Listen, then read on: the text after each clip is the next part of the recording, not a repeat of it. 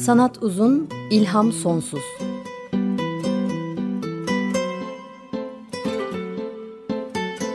Sanat üzerine psikolojik sohbetler. Hazırlayan ve sunanlar Şenol Ayla ve Timuçin Oral.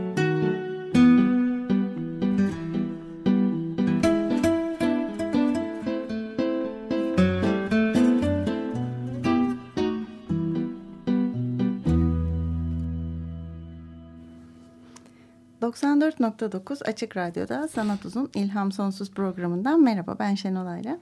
Ben Timuçin Oral ve karşımızda Selahattin Çolak. Twitter hesabımız et sanat alt uzun. E-posta adresimiz sanatuzunilhamsonsuz at gmail.com. Önceki programlarımızı yine her zaman olduğu gibi Açık Radyo sitesinde kayıt arşivinden dinleyebilirsiniz. Bu linki de yine Twitter hesabımızda bulabilirsiniz. Ee, geçen hafta örüntülerden bahsettik ve hayatımızdaki ve sanattaki öneminden bahsettik. Yaratıcılıktaki yerinden bahsettik. Buraya aldığımız e, geri bildirimlerden biri de dinleyicimiz ve e, herkesin tanıdığı tanıtmama gerek olmayan sevgili Murat Gülsoy'dan gelmişti. Bir de katkısı oldu. E, kendi blogunda da çok güzel bir yazı var örüntüyle ilgili. Evet. Onun da şimdi şeyini gönderelim, e, linkini gönderelim. Okumanızı öneririz. Çok güzel bir evet, yazı o da. Evet. E, bugün yaratıcılık ve psikopatolojiden söz edeceğiz. Hı hı. Psikopatoloji kelime anlamıyla ruhsal bir bozukluk, rahatsızlık anlamına geliyor. Doğru değil mi? Evet yani patoloji e, Hastalık rahatsızlığı, mı? hastalığı tanımlayan bir e, e, bilim dalı e, tıpta. E, psikopatolojide en geniş anlamıyla ruhsal rahatsızlıkları tanımlıyor. E, o zaman aslında yaratıcılık ile psikopatoloji nasıl bir cümlede bir başlıkta hatta kullanabildik. ne arada bir arada ne anlamı var birbiriyle ne ilgisi var oradan girelim. Aslında burada sık sorulan sorular var ee, değil mi? Ruhsal bozukluk yaratıcılık ilişkisi zorunluluk mu rastlantı mı gibi mesela. Hı hı. Ya da hastalık yaratıcı kişi için bir ilham kaynağı mı yoksa ketleyici engelleyici bir şey mi? E, ya da bazı hastalıklar yaratıcı faaliyetin bir sonucu olarak mı ortaya çıkıyorlar? Bunlar hep insanların aklına gelen ve araştırılan sorular. Buluş ve yaratıcılık bir dürtü mü, bilinçli bir çaba mı? E, ya da sanatçılar alkol ve uyuşturucuyu dinlenmek için mi, hayal gücünü kamçılamak için mi alıyorlar? Buna hı hı. ileride döneceğiz tekrar. E, ya da bazı bireyler ruhsal bozukluk yanı sıra yetenek sahibi de olunca belli şartlar altında daha mı üretken oluyorlar? Böyle birçok sorumuz var.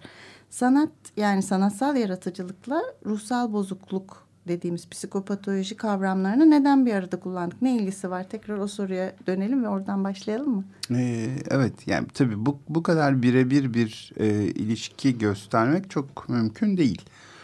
E, ama yine de psikopatoloji ve yaratıcılık ilişkisine birkaç şekilde bakmak mümkün. E, bir kere yaratıcı sanatçılar ve hastalık ilişkisi. Yani e, yaratıcı sanatçılara bakıldığı zaman aralarında e, rahatsızlığı olan pek çok insanın olduğu dikkat çekiyor. E, ikincisi sanat bazen bir rahatsızlığı tetikleyebiliyor ki biz bundan bahsettik Stendhal sendromunda. Doğru. Aslında. Evet şöyle şeyler de olabiliyor tabii. Yaratıcı bir sanatçı var e, aslında. Onun e, bir e, bir patolojinin ürünü değil yaptıkları. Ama öte yandan bu insan zaman içinde hastalanıyor ve hastalandıktan sonra ürettikleri değişebiliyor. Ve ne kadar değişiyor? Bu da e, hakikaten e, ayrı bir e, çalışma konusu. E, ilginç bir şekilde hastalar arasından oldukça yaratıcı e, bazı eserler çıkıyor. Bunlar yazı, çizi, resim, her şey. E, tabii şaşıracak bir şey yok aslında. Yani hastalık dediğimiz şey bir durum ve e, evet. orijinalinde o insanın yaratıcı bir özelliği varsa e, bu da ortaya çıkacaktır. Ama hastalık hakikaten bu yaratıcılığın e, belirmesine, farklı biçimde kendini ifade etmesine yol açıyor mudur sorusunu cevabını belki arayabiliriz. Bir de tabii en son söylediklerinden bir tanesi oydu. Yaratıcılığı tetiklemek mümkün mü acaba? Hı hı. İşte bunu çeşitli maddeler kullanarak ya da başka bir ruh hali içine girmeyi deneyerek yapmak mümkün mü? Ee, evet, çok soru var ve her biri hakikaten e, e, uzun uzun üzerinde düşünülebilecek, durulabilecek şeyler. E, sırayla da durabiliriz. Yaratıcılığın bir takım özellikleri var. Yaratıcı, evet bence ona bakalım. Özgün Neden bir şey bahsediyoruz? olmak zorunda. Ee, ürün vermek zorunda. Ve nihayet faydalı olmak zorunda ama bu fayda konusu her zaman biraz e, soru işaretidir. Çünkü her zaman gözle görülür bir fayda olmuyor ama başkasında yeni bir duygu uyandırmak, esin yaratmak, ne bileyim bir insan zihin ya da beyninin ulaşabileceği e, kimi zaman hatta korkuyla karışık bir hayranlık duygusu uyandırmak da aslında e, yaratıcılığın e, özellikleri arasında. E, Ribot bir Fransız psikoloğu Ribot kanunu diye bir e, kanunla da bilinir aslında retrograd amnezi ile ilgili yani geçmişe dönük hatırlama bozukluğu ile ilgili e, bir e, duruma da adını veren kişidir. E, Fransız psikolog e, Theodule e, Ribot e, e, estetik heyecan bütün heyecanlardan farklıdır e, diyor ve ilginç bir şekilde diyor ki e, türün devamı için doğum nasıl zorunlu ve doğal bir gereksinimse ruhsal olarak yaratmak da e, zorunlu ve doğal bir gereksinimdir aslında. Ruhumuz için gereklidir diyor. E, evet, evet. Ruhun şifası ya da e, aslında varoluş sebebi belki de diyor. İlginç bir şekilde. Eee işte buna Çaykovski'nin de aslında çok hoş bir sözü vardı. Evet daha önce de hmm, konuşmuştuk bundan ama Onu seviyoruz bunu. Mısın? Çünkü evet. E, demiştik ya e, dışarıdan araştırıyoruz, beyne bakıyoruz, görüntüleme yöntemleri, çalışmalar falan ama içeriden ne hissediliyor o da bize çok ipucu veriyor. Çaykovski şöyle demişti. Genelleme yapacak olursam gelecekte yazılacak bir kompozisyonun ilk esini aniden ve beklenmedik şekilde gelir. Ruh hazırsa yani eğer çalışma isteği varsa olağanüstü bir güç ve hızla köklenir. Topraktan dışarı fırlar, dallarını yapraklarını çıkarır, sonunda da filizlenir. Yaratıcı süreci bu benzetmeden başka bir şekilde tanımlayamam hmm. demiş Çaykovski. Evet. Ee, yaratıcılığın psikolojik kökenine bakmak için şimdi aslında bir resim tweetleyeceğiz. Fra Filippo Lippi'nin 1406-1469 arasında yaşamış bu ressam. Annunciation, müjde ve e, tebliğ değil mi Hı -hı. anlamına geliyor. Evet. Hmm, Meryem Ana'ya çocuğun olacağının bildirildiği durumu resmetmiş. Evet. Meryem Ana ressamın çağında görülüyor burada göreceksiniz. Arkada modern bir kent var. Ee, yani bir 1400 yıllık bir sapmayla görülüyor Meryem Ana. Arkada modern bir kent var. Bir gözüyle kitabı inceliyor. Onun devrinde bir kadın için kitaba bakıyor olmak da çok doğal bir şey değil. Evet. Ee, zaman kronolojik bir sırada değil ama buna rağmen tabloda uyumlu geliyor. Bizi rahatsız etmiyor bilmiyorum yani e, Filippo Lippi zamanında bakanları rahatsız etmiş miydi? Filippo Lippi'nin e, zamanından daha geçmişte olan bir şeyi sanki o zamanda oluyormuş gibi anlatmak. Ama hani rüya gibi değil mi? Yani rüyalar, rüyalar da mesela da bizi hiç rahatsız etmezler ya.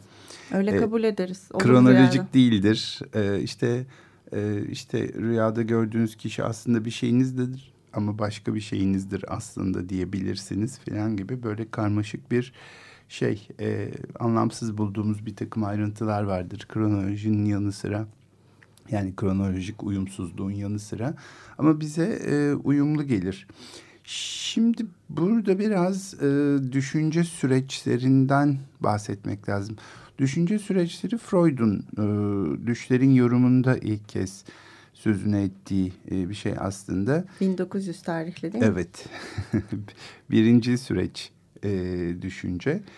E, Freud'un söylediği. Ne demek o? E, birinci süreç düşünce doğuştan gelen, mantıklı olmayan, e, ilkel diyebileceğimiz bir düşünce şekli. Bazen birçok figür tek bir figürde yoğunlaşıyor ve e, zıtlar birbirinin yerine geçebiliyor. E, bir e, zaman mekan tutarlılığının olmadığı bir düşünce biçimi. Böyle olunca tabii düşünce birinci süreç düşünce nerede görülür de hemen söyleyivermek mümkün oluyor. Evet. Birinci süreç düşünce e, çocukların söylemlerinde, e, şakalarda, rüyalarda, bir takım fantastik öykülerde, dil sürçmelerinde Freud'un dediği gibi ortaya hı hı. çıkabiliyor. Ya da e, bir takım maddeler kullanıldığında sanat eserlerinde ve bir de psikoz durumunda ortaya çıkabiliyor. Psikoz dedik. Psikoz derken neyi kastediyoruz? Psikoz deyince de en geniş anlamıyla gerçeği değerlendirme yetisinin bozulduğu, sanrı ve varsanıların e, olduğu e, kişinin içinde bulunduğu gerçekliğin dış gerçeklikten farklı olduğu bir ruh halini yaşamasına psikoz deniyor. Psikoz bir sendrom aslında. Hı hı. Pek çok hastalığın içinde şizofreni gibi bazı e, bipolar bozukluklar gibi, paranoid bozukluk gibi e, ya da bazı organik örneğin delirium gibi ya da esrar ve madde kullanımlarında ortaya çıkabilen bir durum, bir tablo, bir hal. Bu birinci süreç düşüncenin ortaya çıktığı durumları saydığımızda peş peşe e, ilk defa bir araya geldiler. Psikoz ve sanat eseri diye. Evet. O halde e, birbirine dokunduğu şu noktada ne benzerlikleri var, e, ne ayrılıkları var? E, diye bakalım. Bu arada ama bir ikinci süreç düşünceyi de söyleyelim ki ayrım nasıl olduğu ortaya çıksın. E, ikinci süreç Freud'un dedi yani bebeğin ilk hani o yaşadığı dönemi tamamladıktan sonra artık hazza ulaşırken dış gerçekleri göz önünde tutarak değerlendiriyor. Ego artık gerilime dayanabiliyor, dürtüleri bekletebiliyor. Hazın ertelendiği bir şey e, mümkün olabiliyor. İşte psikozda ve sanat eserlerinde ortak olan şey bu e, e, hazı erteleme meselesinin de e, olmaması, gerilime dayanamama meselesinde olmaması aslında sanat eserinde de görülen bu. Şimdi burada bir üçüncü süreçten de bahsediyor Silvano Arietti. Arietti de e, diyor ki hmm, yaratıcılık aslında e, insanın bu ikincil düşünce süreci kalıplarını e, kullanırken e, onlara başvurmakla beraber birinci süreçten tamamen bağımsız değildir. Yani bir amacı vardır ama oradan beslenir. Dolayısıyla bir üçüncü süreç düşünce ortaya çıkar. Bir yaratıcı süreçte ortaya çıkar e, diyor. E, Stefan Zweig da şöyle demiş. Ha, Her evet, hakiki evet. şiir aslında eşit olarak bilinç dışı ve bilinçli sanat anlayışından bir dokunuş sunar. Kah bir atkı, kah öbür atkı daha yoğun dokunmuştur. İkisi bir aradadır diyor değil mi? Evet, evet. Çok güzel bir sözdür o. Gerçekten Zweig da çok e, çok çok önemli bir e, gözlemci aynı zamanda. Evet. Hem sanatçı hem psikolojiyi de çok iyi bilen bir evet. insan. Ee, şimdi dolayısıyla e, yaratma sürecinin e, bir hani e, birinci süreç dediğimiz e, bilinç dışı bir tarafı olmakla beraber bir bilinçli tarafı da olduğu ortaya çıkıyor ki bunu çeşitli e, sanatçılar da böyle tanımlamışlar. Mesela bilişsel, bilinç dışı veya otobiyografik diye de belki yaratma süreci ayrılabilir. Örneğin Ayfer Tunç, sevgili Ayfer Tunç çok hoş bir şekilde bunu e, ikiye ayırıyor. Bir hüner olarak yazmak ve içeriden yazmak hmm. diye mesela. Bence hmm. çok güzel bir tanımlama bu. Ee, benzer bir şey de Orhan Pamuk aslında saf ve düşünceli romancıda biraz e, bahsetmişti. Bir takım işte bilişsel süreçlerden de bahsediyor ama sonuçta o bilişsel süreçlerde yani zıtların bir arada olması, yeni parçaların oluşması, birkaç farklı ögeyi tek mekanda e, düşünmek. Böylece geçenlerde paylaştığımız, Tekinsiz'de paylaştığımız hı hı. E, eserler gibi. Yani hiç olmaması gereken bir şey e, olmaması gereken bir yerde karşımıza çıktığında evet. böyle hayranlıkla karışık bir korku duygusu da uyandırıyor ama evet. çok da önemli bir sanat eseri e, olabiliyor gerçekten. Sonuç olarak şunu söylemek herhalde e, mümkün. E, sanatçı dediğimiz kişi bir kere e, verili anlamların kullanımıyla yetinen bir kişi e, değil. değil. Yeni anlamlar yaratmaya yatkın, anlam krizine yatkın ve yeni anlam yaratamadığında da huzursuz ve karamsar e, olabilecek bir kişi. Evet, benim bir akıl hastasından en büyük farkım benim akıl hastası olmamamdır demiş Dali. Evet.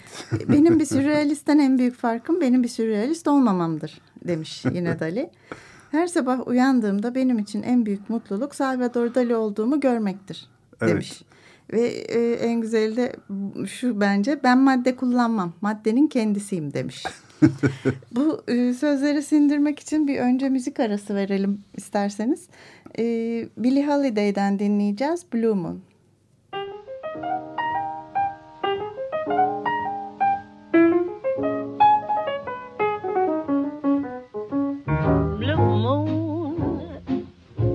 Standing alone without a dream in my heart, without a love of my own.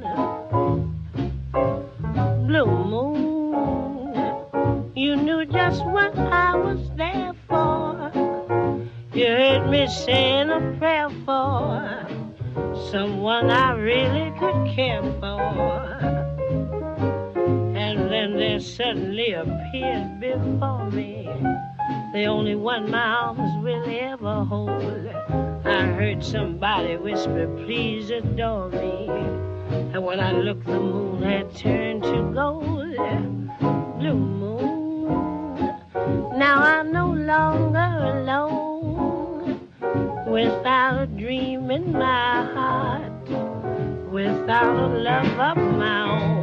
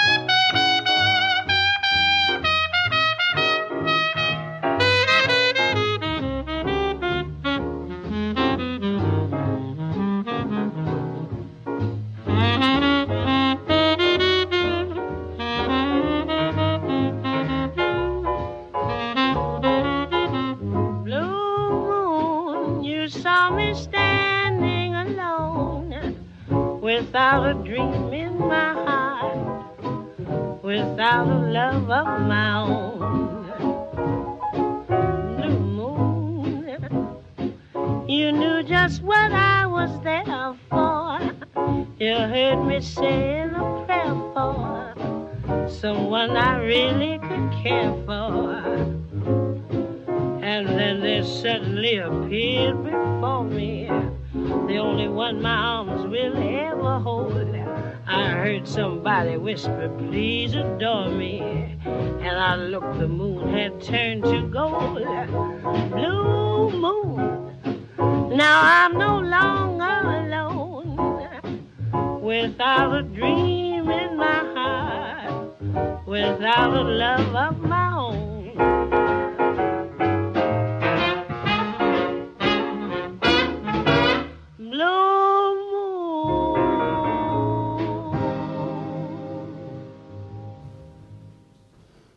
94.9 Açık Radyo'dayız. Sanat Uzun İlham Sonsuz programını dinliyorsunuz. Billie Holiday'den Blue Moon'u dinledik. Ee, Richard Rodgers ve Lawrence Hart'ın e, yazdığı bir şarkıydı. 1952 Billie Holiday Sings albümündeydi. Billie Holiday'i çaldık burada çünkü e, hayatı çok acılarla geçmiş e, bir önemli bir sanatçı, caz performansçısı. Çok iyi bir şarkıcı. Hakikaten başına gelmeyen kalmamış. Küçük yaşta tacize uğramış. Büyüdüğünde bunlar sürmüş. Sonra şarkıcı olmuş. Uyuşturucu bağımlılığı var. Hastaneye yatışları var. Tutuklanmaları var. Ee, zor bir hayat ama buna rağmen çok parlak bir kariyeri de olmuş. Evet. Onu da anmak istedik. Dali'nin sözleriyle girmiştik müziğe. Onları sindirmeye çalışıyorduk. Şimdi Picasso'nun da e, benzeri durumu var aslında. O da çok farklı bir kişilik. Bir tweet attık. E, ağlayan kadın iki tane resim. Biri Van Gogh'un, biri Picasso'nun. Dali'nin sözleri var. Hepsine bir aradan ne konuşabiliriz bunların üstüne? yani mesela ilginç bu. Hem Dali hem Picasso e, tırnak içinde bir e, rahatsızlığı olmayan e, iki e, büyük sanatçı. E, ikisi de e, ama tuhaf görüntüleriyle dikkat çekiyorlar. Her ikisinin de tuhaf görüntülerini paylaşabiliriz aslında. Bir tanesi Temel Reis'in e, kılığına girerek e, poz evet, verdiği bir Picasso fotoğrafı. Bir diğeri de e, Dali'nin pek çok tuhaflıklarından bir tanesi olarak e, bir e, karınca yiyenini alıp e, tasmasıyla Paris sokaklarında dolaşması ki metrodan onun da, çıkıyor hatta evet, galiba değil mi? metroya da binmiş ağızlık takılmıyordur evet. ama karınca yiyene. Ee, bu işte evet yani e, pek çok tuhaflıkları e, var gerçekten e, ama sonuçta bu bir hastalık değil. Şimdi yaratıcılıkla hastalık ilişkisine ya da patoloji ilişkisine bakınca çeşitli kuramlar var. E, bir tanesi süblimasyon e, kuramı. Yani e, Freud'un daha çok söylediği bir şey bu. Yüceltme kuramı Hı-hı. diyebileceğimiz bir şey. Başarılı bir savunma mekanizması olarak sanat, bilim, e, her türlü ideal e, ve yaratıcı düşünsel etkinliğin kaynağını yüceltmede arıyor Freud zaten ve e, diyor ki e, çocukluktan itibaren işte önce oyun oynayarak kendilerine özgü bir dünya yaratırlar. E, sanatçılar da oyun oynayan çocuklar gibidirler bir e, e, sanat eseri ortaya koyar bir hayal dünyası yaratır, yüceltir içinde bulunduğu e, çatışmalı ortamı böyle çözer. Jung'un tabii pek çok var görüşü. E, bunlardan bir tanesi de e, bilinç dışı ile ilgili. E tabii evet. Görüşü var değil mi? E, yaptı, yapılan resimlerin ya da üretilen sanat eserlerinin psik, psikanalitik tedavide bir araç olarak kullanılabileceğini e, yarat, imgelerle ruh arasında bir bağlantı olduğunu hatta onun çok güzel bir sözü vardır analiz et e, yorumla ama e, yaratıcı ruhun e, ruha dokunduğunda orada dur hmm. e, diye e, yaratıcı ruhun mucizesine e, dokunduğunda orada dur diye gerçekten onu çok ayrı bir yere koyuyor. E, Chris'in e, bu, bu ifade pek çok kez kullanılır ego hizmetinde regresyon yani benliğin izin verdiği e, bir biçimde e, geçmişe, çocukluğa ya da bastırılmış e, regresyon o demek değil gitmek. mi? Evet. E, Geriye dolayısıyla doğru. buna izin veriyor ama aynı zamanda. Evet. Ariyeti'den bahsetmiştik. E, başkaları da var. Ego psikologları mesela Kohut. E, o da mesela e, kendilik nesnesi olan şeyleri e, kendini nasıl düşündüğünü, kendini nasıl algıladığını e, e, kişinin yaratıcı çalışma yapan kişinin aslında sanat nesnesi olarak bulup ortaya çıkardığını e, iddia etmiş onlar da.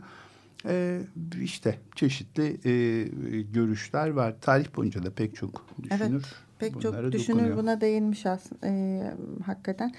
Aristo demiş ki mesela Problementa Fizika'da neden felsefe, politika ya da sanatla uğraşan kişiler melankoliktir? evet çok severim ee, ben Jacques Lacan da şöyle demiş insan varlığı deliliğe gönderimde bulunmaksızın anlaşılamaz. İnsan deliliği özgürlüğün sınırı olarak içinde taşımaksızın insan olamaz. Özgürlüğün sınırı olarak deliliği içimizde taşıyalım demiş. Güzel. Değil mi? Ee, Seneca'da demiş ki hafif bir delilik dokunuşunun olmadığı büyük bir deha yoktur. Ee, Shakespeare'e gelirsek deli, aşık ve şair hepsi yoğun bir hayal gücünden ibaret demiş. Bir çeviride de şey diye de okumuştum. Deli, aşık ve şair hepimiz aynı kumaştan yapılmışızdır. Çok güzel, ee, evet. diye. Deha deliliğe çok yakındır ve aralarındaki sınır da çok incedir demiş Dryden'da. Ee, şimdi yaratıcılık ve psikopatolojiyi bir araya getirdik bayağı. Bunun üstündeki ilişki üzerine de araştırmalar var öyle değil mi? Evet çok sayıda e, değil aslında maalesef. Evet çok fazla Keşke değil. olsaydı çok sayıda değil ama e, ama var. E, ilki e, Yuda ile Adel Yuda ile e, başlıyor. 1900'lerin e, ilk çeyreği e, pardon ikinci çeyreğinde yani 1925-50 arası yaptığı bir çalışmalar var Adel Yuda'nın. 5000 kişiyle görüşüyor. Ve görüyor ki aslında sanatçı ve bilim adamlarıyla akrabalarında ruhsal hastalık normal toplumdaki dağılımdan daha fazla. Ressamlarda yüzde yirmi yedi, şairlerde yüzde elli. Şairlerde yarıya yakın değil mi? Mimarlar yüzde on yedi. Evet, şairler en büyük e, e, topluluğu oluşturuyor. Bunu başkaları da sonra Ludwig'de, Andrea Sende başkaları da gösterdiler ki hakikaten şairler biraz daha fazla. Hatta şey diyorlar işte yazar ve şairler daha çok depresif. Bir melankolinin kara güneşine maruz kalma ifadesi kullanılıyor. Ee, şairane bir ifade Evet, kullanmak ama- gerekiyor. Tabii. Şimdi ama gerçek melankoli yani hastalık olan melankolide depresyonun en ağır formunda bir şey üretmek mümkün değil. O çok e, Kay Jameson'dan bahsedeceğiz. O Hayatta çok, kalmanın zor evet, olduğu bir durum sığ zaten. ve değil mi? dayanılmaz bir hal yani o durumda bir şey üretmek mümkün Ona da değil. geleceğiz evet. Evet, ama bu melankolinin kara güneşi biraz daha şairane bir Evet, şekilde ifade biraz hüzünlü olmak, onu tanıyor olmak falan gibi. Fakat tabii e, acı bir tarafı da var. Her iki grupta e, intihar e, oranı yüksek. Yani hem yaratıcılık kalıtsal olarak hem hastalık kalıtsal olarak aktarılan bir şey. E, intihar düşüncesi de keza. Aynı şekilde bundan yine bahsederiz. E, intihara ayrıca bir bölüm ayırmak gerekir tabii. Daha önce yaratıcılık konulu programımızda da biraz bahsetmiştik değil mi Nancy Andreasen'den? Çünkü Evet. bu alanda en önemli çalışmaları yapan insan o. Evet, Iowa e, Yazarlar Atölyesi'ne yaptığı çalışmadan söz etmiştik. Onu tekrarlamayalım ama e, şunu söylemek mümkün. Onun varsayımı yaratıcılıkla psikoz arasında bir ilişki var e, diye düşünüyordu o. Ve yaptığı o çalışmada yaratıcı yazar ve birinci derece akrabalarında e, şizofreni ya da psikotik tabloların o kadar da fazla olmadığını gösterdi o. Ama duygu durum bozukluğunun çok e, büyük oranda e, görüldüğünü e, söyledi. Duygu durum bozukluğu derken ne dediğimizde birazdan konuşacağız değil mi? Ee, peki bu çalışmada e, Andreasen şizofreninin çok yüksek oranda olacağını düşündü. ilişkili çıkacağını düşünerek başladı dedik ama birçok insan böyle düşündü daha önce değil mi? Şizofreni hep önde giden düşünceydi. Evet. Muhtemelen bunlar da çoktur diye. Iowa Yazarlar Atölyesi'ne katılan 30 yaz- yazar ve 30 kontrol deneyini araştırmıştı ve birinci dereceden de akrabalarında psikopatoloji aramıştı. Ne çıktı orada? E, Valla duygu durum bozukluğu en fazla. E, gerçekten duygu durum bozukluğu e, yani afektif bozukluklar genel anlamda e, manik depresif hastalık sonra majör depresyon şizofreni de görece daha fazla ama e, aslında hani normal popülasyona göre biraz daha yüksek olmakla beraber e, diğeri kadar değil. Peki bu manik depresif bozukluk ya da bipolar bozukluk, duygu durum bozukluğu lafını çok kullanmaya başladık. Bunu belki ileride değil şimdi konuşsak daha iyi olur ama önce bir müzik arası verelim. Sonra belki bunu kısaca tanımlasak nereden Evet, gittiğimiz evet. anlaşılır Güzel diye olur. düşünüyorum. Ee, şimdi Christina Pluhar ve L'Arpeggiata topluluğundan dinleyeceğiz. La Lorona.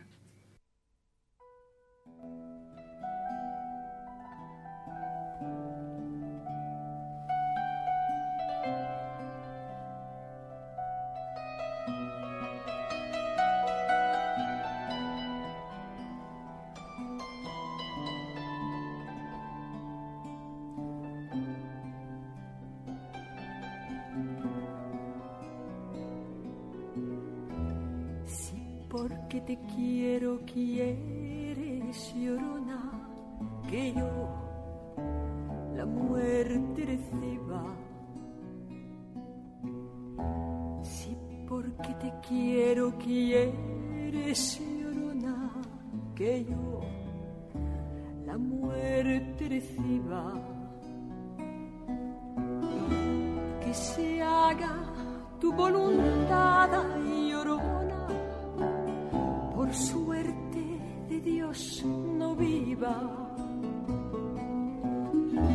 Que se haga tu voluntad, llorona, por suerte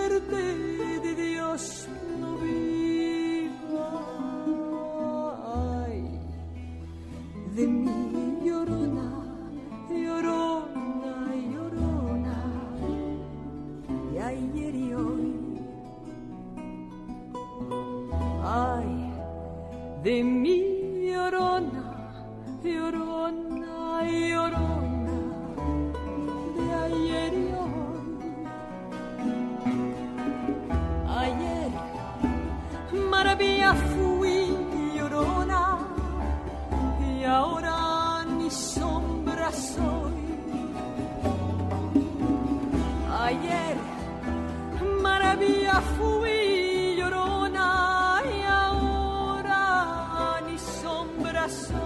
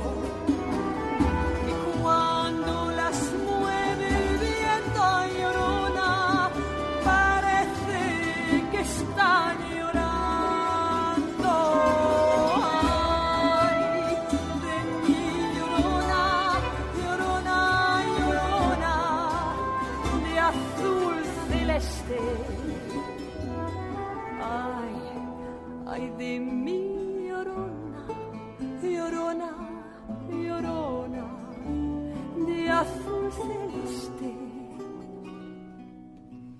Y aunque la vida me cueste, llorona, no dejaré de quererte. Y aunque la vida me cueste, llorona, dejaré de quererte.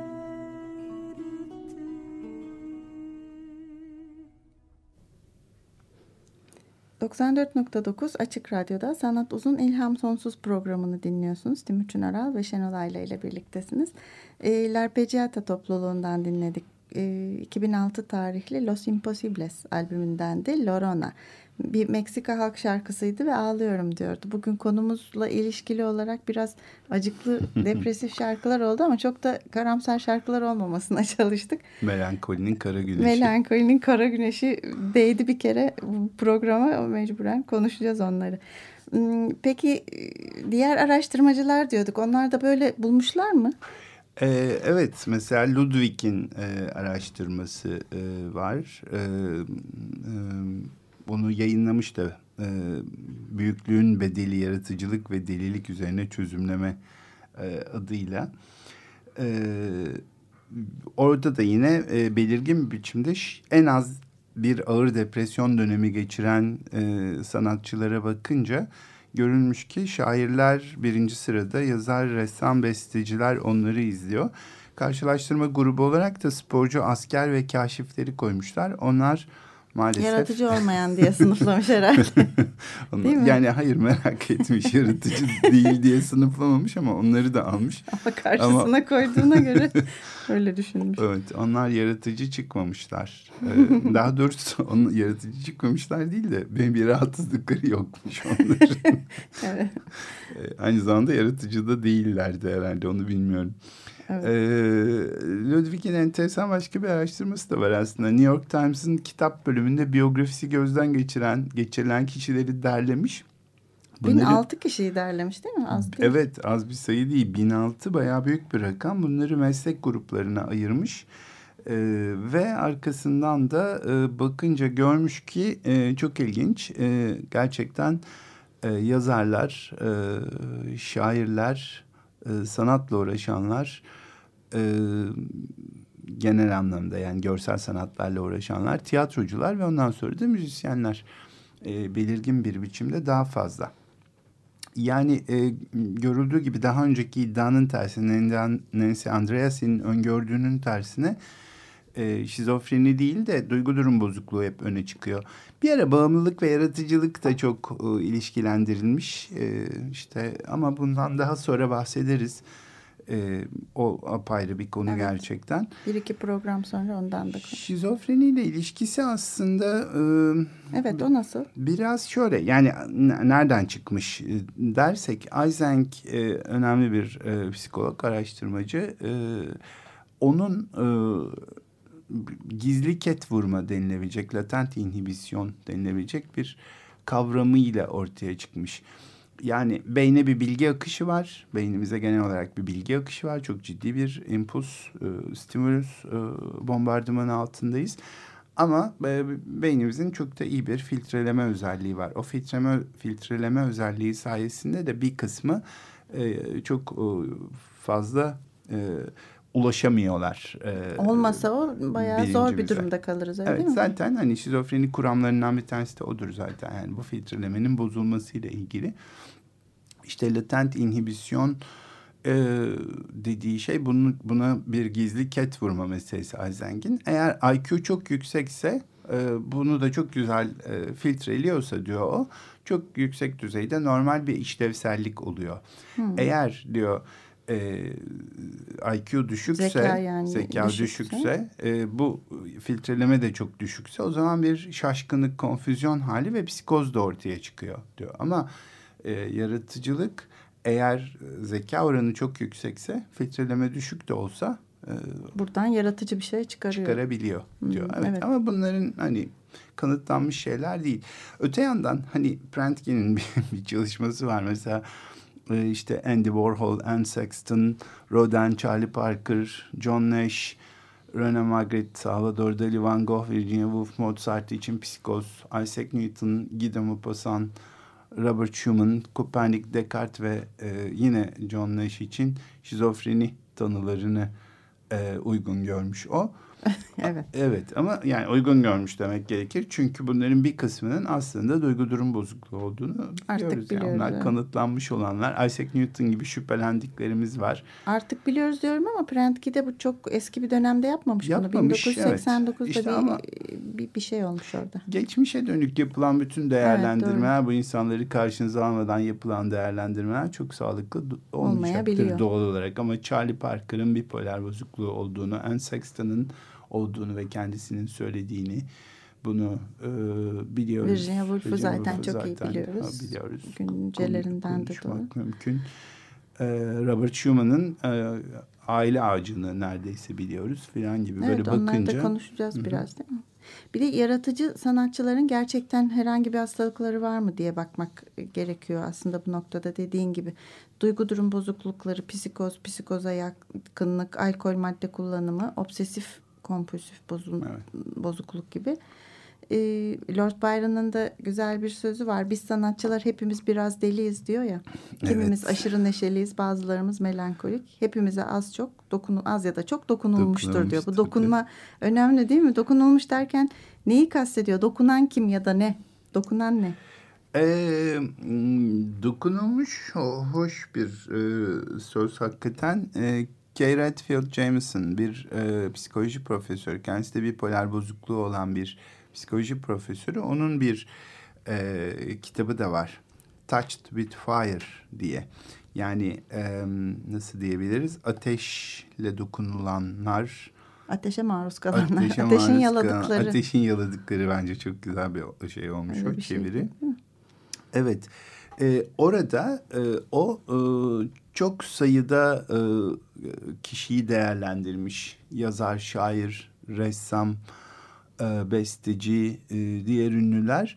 Onlar arasında onun e, işte bir kısmı mesela hastaneye yatanlar, bir kısmı intihar girişiminde bulunu- bulunanlar. Yazarlar arasında çok şaşırtıcı bir şekilde Hans Christian Andersen var. Ee, işte William Faulkner var hastaneye yatan. Herman Hesse e, hem hastaneye yatmış hem intihar girişiminde bulunmuş. Ee, Ernest Hemingway var e, maalesef hayatını kaybeden.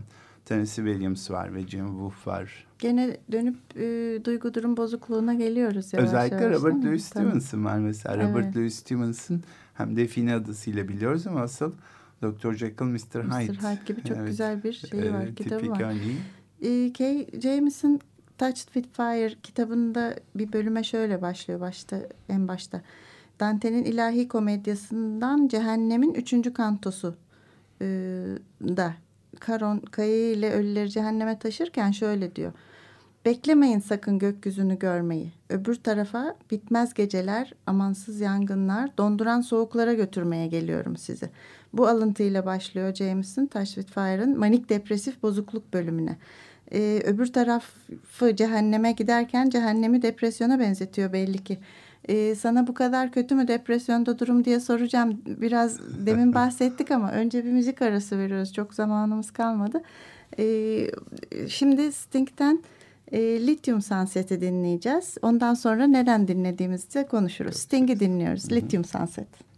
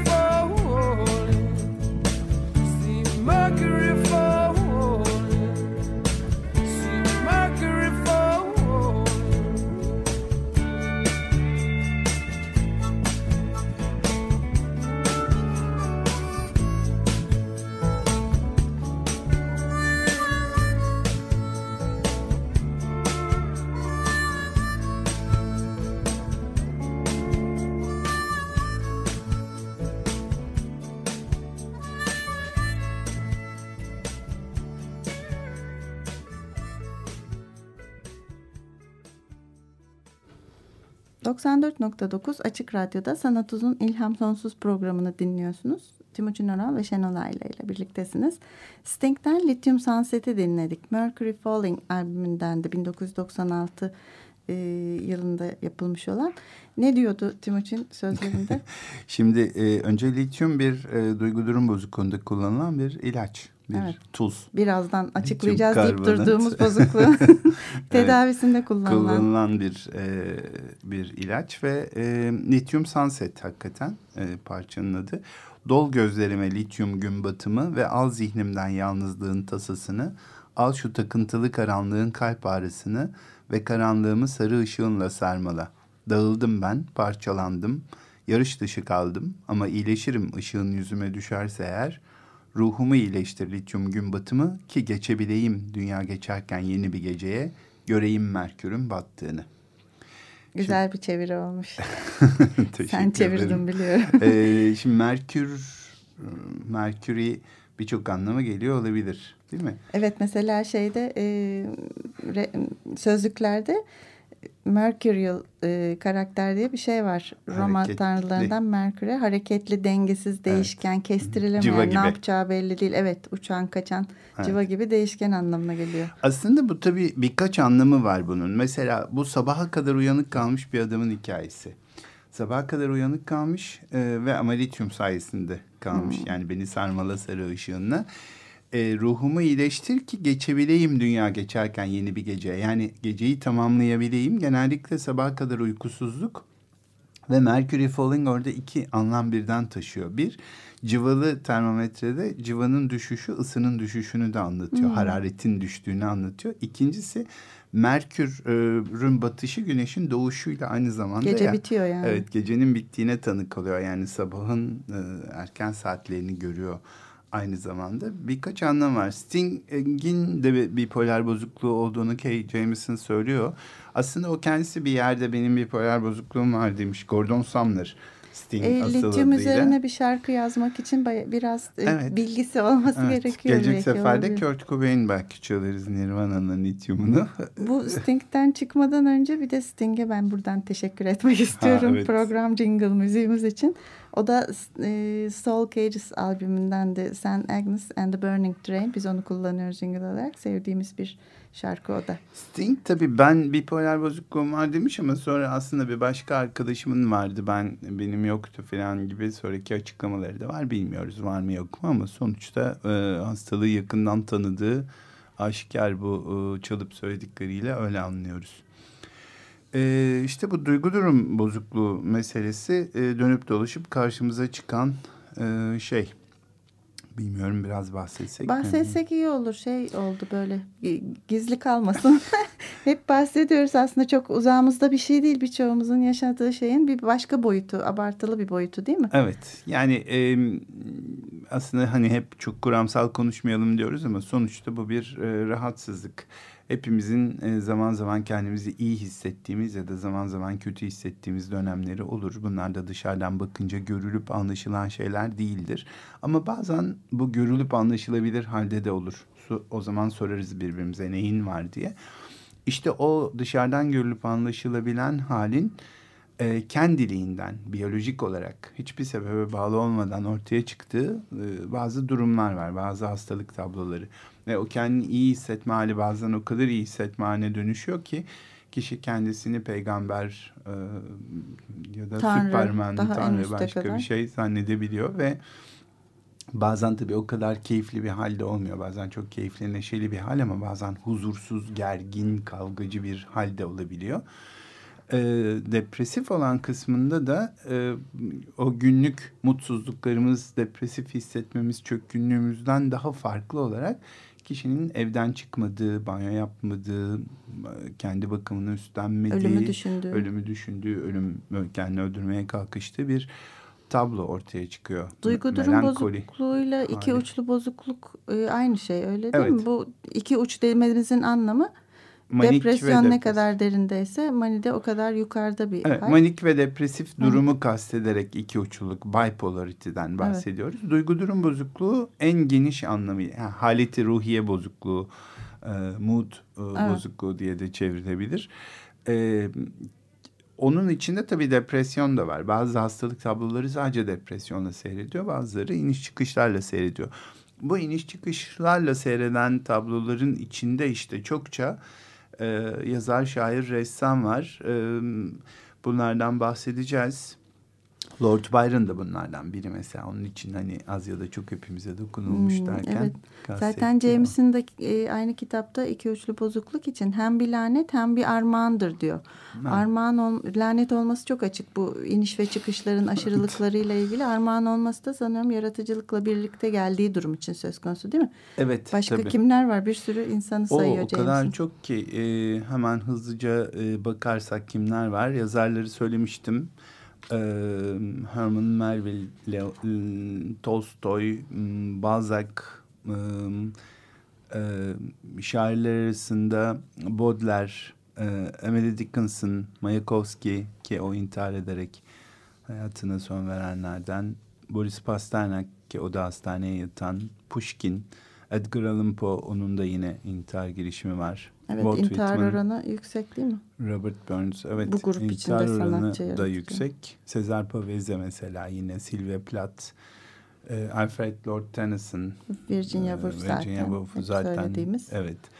Ressamlar Gauguin, Gorki, e, Vincent van Gogh. Hmm, Ayşe Gorki var ondan söz ederiz yine daha sonra. Biraz daha uzun konuşalım değil mi onu? Konuşalım bence evet o bizim e, memleketlimiz olduğu için de konuşalım. E, besteciler var. E, Elgar, Mahler, Rahmaninov, Tchaikovsky, e, Schumann, Parker, Kurt Cobain yenilerden.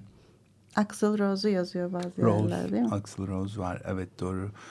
İşte Sting doğru mu değil mi bilmiyoruz. Ama onun dışında mesela Edwin Aldrin, Coppola, Ted Turner, um, Tim Burton, e, Robin Williams.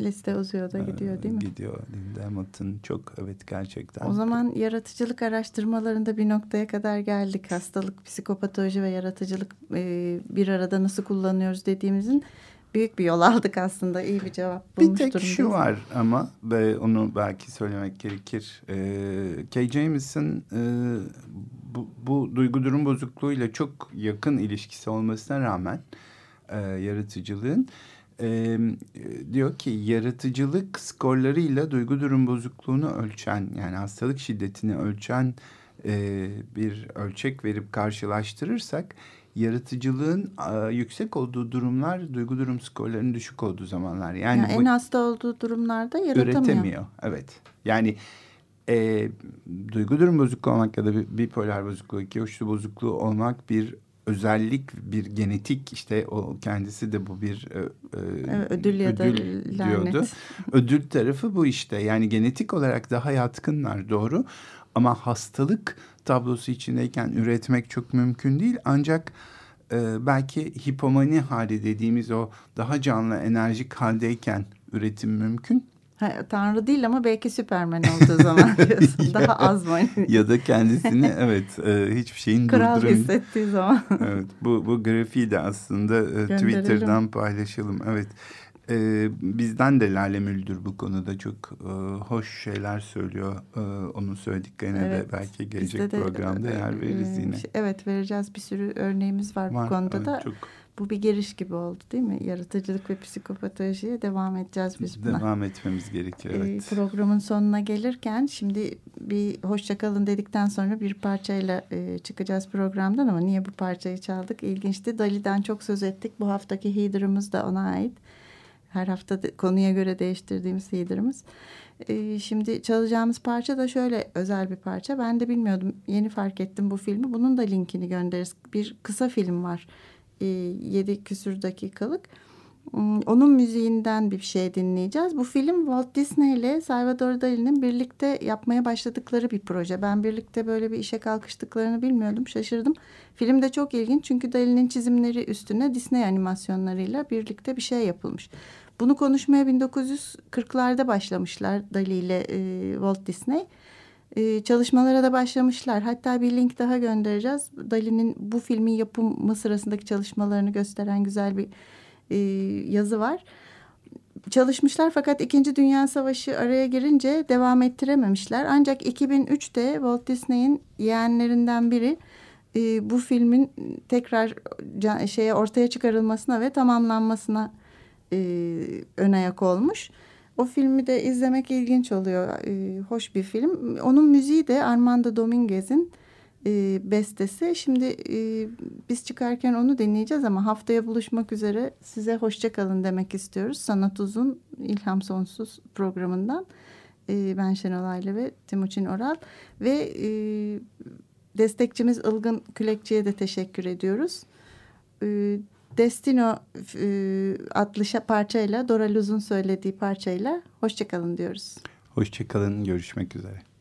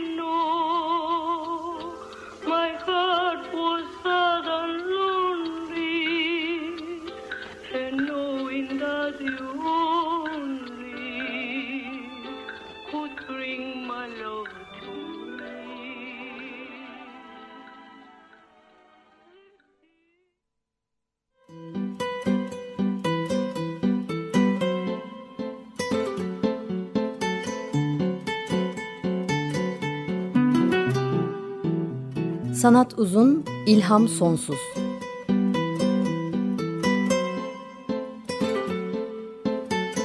Sanat üzerine psikolojik sohbetler. Hazırlayan ve sunanlar Şenol Ayla ve Timuçin Oral.